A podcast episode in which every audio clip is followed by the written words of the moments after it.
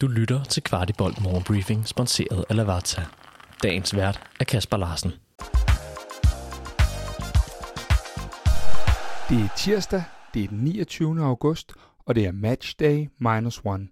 I den forbindelse tog vi en snak med vores stærke højreback Elias Jelert om presset på spillerne, om forventningerne til kampen i morgen. Du kan høre det lige her, også selvom vi bliver afbrudt af både cheftræneren og Lukas Leher i mellemtiden. Rigtig god fornøjelse.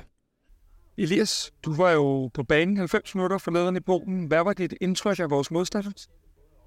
Jamen, mit, mit indtryk var, at det var et meget fysisk hold, som, øh, som spiller med meget intensitet. Øh, så har de deres øh, fem nede i bagkæden, som, hvor deres vingbak skubber meget op, og ja, de gør det, de gør det svært for os i en periode.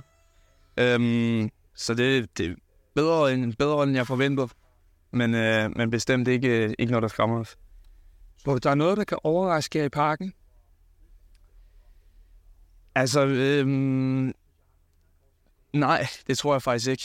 Nu ved vi nogenlunde, hvordan de spiller, og det er klart, selvfølgelig, øh, selvfølgelig så plejer man at have fordelen på hjemmebane, hvilket de havde der. Så jeg tror, at de kommer til at have det svært i parken. Men øhm, nej, det tror jeg egentlig ikke. Jeg tror, øh, tror nogenlunde, vi ved, hvad, hvad vi står for. Det er nogle ret vilde uger, det her. Det tror jeg hurtigt, vi kan blive enige om. Og du, du er jo sådan efterhånden skal jeg kalde dig rutineret for første gang i det her, en rutineret væv. Øh, men kan du mærke presset? Fordi det er jo et af de helt store sæsondefinerende mål, vi er i gang med nu her. Ja, selvfølgelig er der mere pres på den kamp. Det, det skal vi da ikke lyve omkring. Øh, man ved godt, hvad der står på spil. Øhm, jeg tror, at man kunne se det på os i starten, at vores spil ikke lige fungerede. Øhm, det kan godt være, at det har noget med det at gøre. Øhm, men igen, alle kampe prøver man bare at se på ens, og vi spiller jo mange vigtige kampe på et år, ikke? så det er ikke noget, vi kan vente Men der var der før mig, mand. Der er så lille problemer med hierarkiet i truppen mellem øh, cheftræneren og, og Elias. Øh, men Elias, hvordan rent konkret, øh, hvad er det, du mærker det her, øh, hvordan mærker du det her pres, hvis det skal blive sådan konkret? Er det for os fans, er det for medier, er det for dig selv, eller hvordan er det, du mærker presset? Ja, men jeg tjekker ikke rigtig medier. Det, det tror jeg ikke, der kommer noget godt ud af.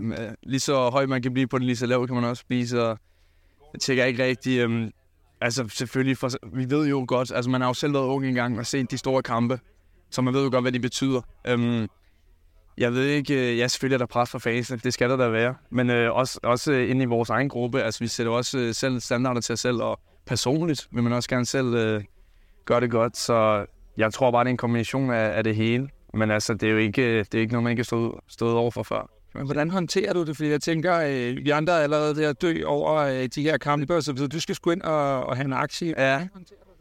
ja, det er et godt spørgsmål. Jeg prøver egentlig bare at tænke på, at det er ligesom alle andre fodboldkampe, og, øhm, og bare gå ud og spille en spil. Jeg tror ikke rigtigt, man kan, man kan gøre så meget andet, så, så går det nok galt. Så øhm, det er et svært spørgsmål at svare på, men jeg, jeg tror, det er bare at prøve at holde hovedet koldt. Elias, hvad vil det betyde? Du var selv lidt inde på det før. Hvad vil det betyde for din egen udvikling at skulle spille Champions League-gruppespil igen, hvis I skulle nå dertil? Ej, det vil betyde rigtig meget. Det, det er det, vi går efter. Øhm, um, 110 procent, det, det er de fedeste kampe, man kan spille. Det er Champions League, hvis du spørger mig. Så øh, at jeg allerede har prøvet det, er jeg ekstremt glad for, men at kunne prøve det igen, det kunne være en sand fornøjelse. Altså, um, man lærer ekstremt meget af kampene. Man møder de bedste af de bedste, og så de kampe, der er i parken i Champions League, de er fuldstændig magiske. Jeg kan huske, at vi to talte lidt om, at du sagde til mig på et tidspunkt det der med, at det var tempoet, og at det var det der med, den måde, at de, dem, du stod over for, Manchester City, Dortmund, Sevilla, den, den måde, de beslutter tingene øh, lynhurtigt i forhold til, hvad I også er vant til. Er det, er det det, der er med til sådan at skærpe nogle af dine ting, eller hvordan?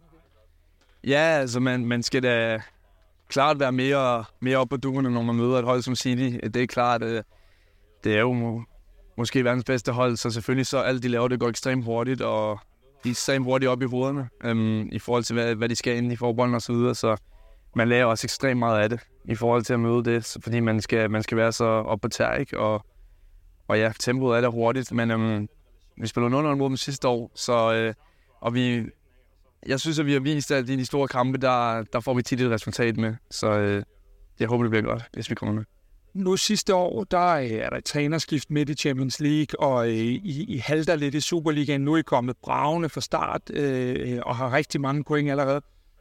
Står I anderledes rustet som gruppe den her gang til et gruppespil? Nu ved vi ikke nu, om det bliver Europa League eller det bliver Champions League. Står I anderledes rustet som gruppe, tænker du? Øh, Ja, det er også et godt spørgsmål. Altså, øh, sidste gang kom vi ud med, hvad, tre point, tror jeg det var. Tabte ikke i parken, hvilket øh, vil selvfølgelig gerne have mere. Men, men at vi slet ikke taber i det synes jeg er stærkt. Um, vi har nok en mere bred trup nu, vil jeg sige. Uh, og det har jo noget at sige i forhold til, at der er kampe indimellem. Um, så, øh, så jeg tror, vi har større mulighed for at rotere nu i truppen, så, så folk kan få lidt mere hvile imellem kampene. Um, det tror jeg er den største forskel i forhold til sidste år. Ja, netop det der med rotation, og du spiller med rigtig mange forskellige kanter, der vil jo, som du siger, rotere en del. Er der nogle af de her kanttyper, der passer dig bedre? Nu var det ikke, at du skal sidde ude, når man kommer nej, det er ikke på den måde, men, men er der noget, der passer dig bedre end andet? Øh, jeg, har egentlig lyst, jeg har egentlig lyst til at svare. Så var det Lukas, der afbrød den her gang. Øh, Elias, kan du lave noget? Nej, Nå, det kan jeg Nej, det er rigtig fint. Så fik Lav pasta, pasta pesto. Øh, men det er seriøse spørgsmål, det ja, ja. med kantspillerne. Ja. Og øh, om, øh, om, om med at rotere, er der nogle typer, der passer ja. Jamen, jeg har lyst til at svare nej, fordi øh, alle dem, jeg har foran mig, er dygtige. Så øh, de kan hver deres ting. Øh, det er selvfølgelig klart, at øh, når jeg har Rooney, så trækker han mere ind i banen, øh, end hvis jeg har for eksempel en Yunusi, som er højrebenet. Så det er bare lidt i forhold til at afstemme, i forhold til, hvad, hvad, altså, hvad, hvad vi skal gøre forskellige ting. Men øhm, nej, altså, han er så dygtig foran mig, at, at jeg synes ikke, at det ændrer det store. Hvis vi lige skal tale om dine personlige mål i din udvikling, så kan jeg huske, at vi i en anden podcast her har talt om det der med indlægsspillet på et tidspunkt. Det var en af de ting, du havde fokus på. Øh, er det stadig en facet, eller er der nye facetter, du, øh, du går og arbejder lidt mere specifikt med i øjeblikket end andre? Nej, indlægsspillet er stadig, er stadig en del, jeg gerne vil, vil arbejde på. Det, øh, det er enig i. Så, ja. Så det er stadig den ting, du går, når I forfiner de ting, I skal herude, så det er den ting, du mest har, eller det primære fokus? Ja, så, så skal jeg slå nogle indlæg og, og lidt af hvert, ja. Det, øhm, det er klart, som, som bak, så er det jo fedt at kunne slå nogle gode indlæg, og ja, så får man, så må man også mig sidst. Elias, når jeg vågner torsdag morgen, skal jeg så øh, glæde mig til lodtrækning til Champions League, eller hvordan er det? Ja, det håber jeg. Det håber jeg. Kæmpe held og lykke. Tak for det. Tak for det. Hvis du at Lavazza har deres eget kapselsystem, som hedder Amodo Mio. Med Amodo Mio maskine og kapsler kan du på ingen tid brygge en ægte italiensk espresso derhjemme af samme høje kvalitet, som du vil få på en café.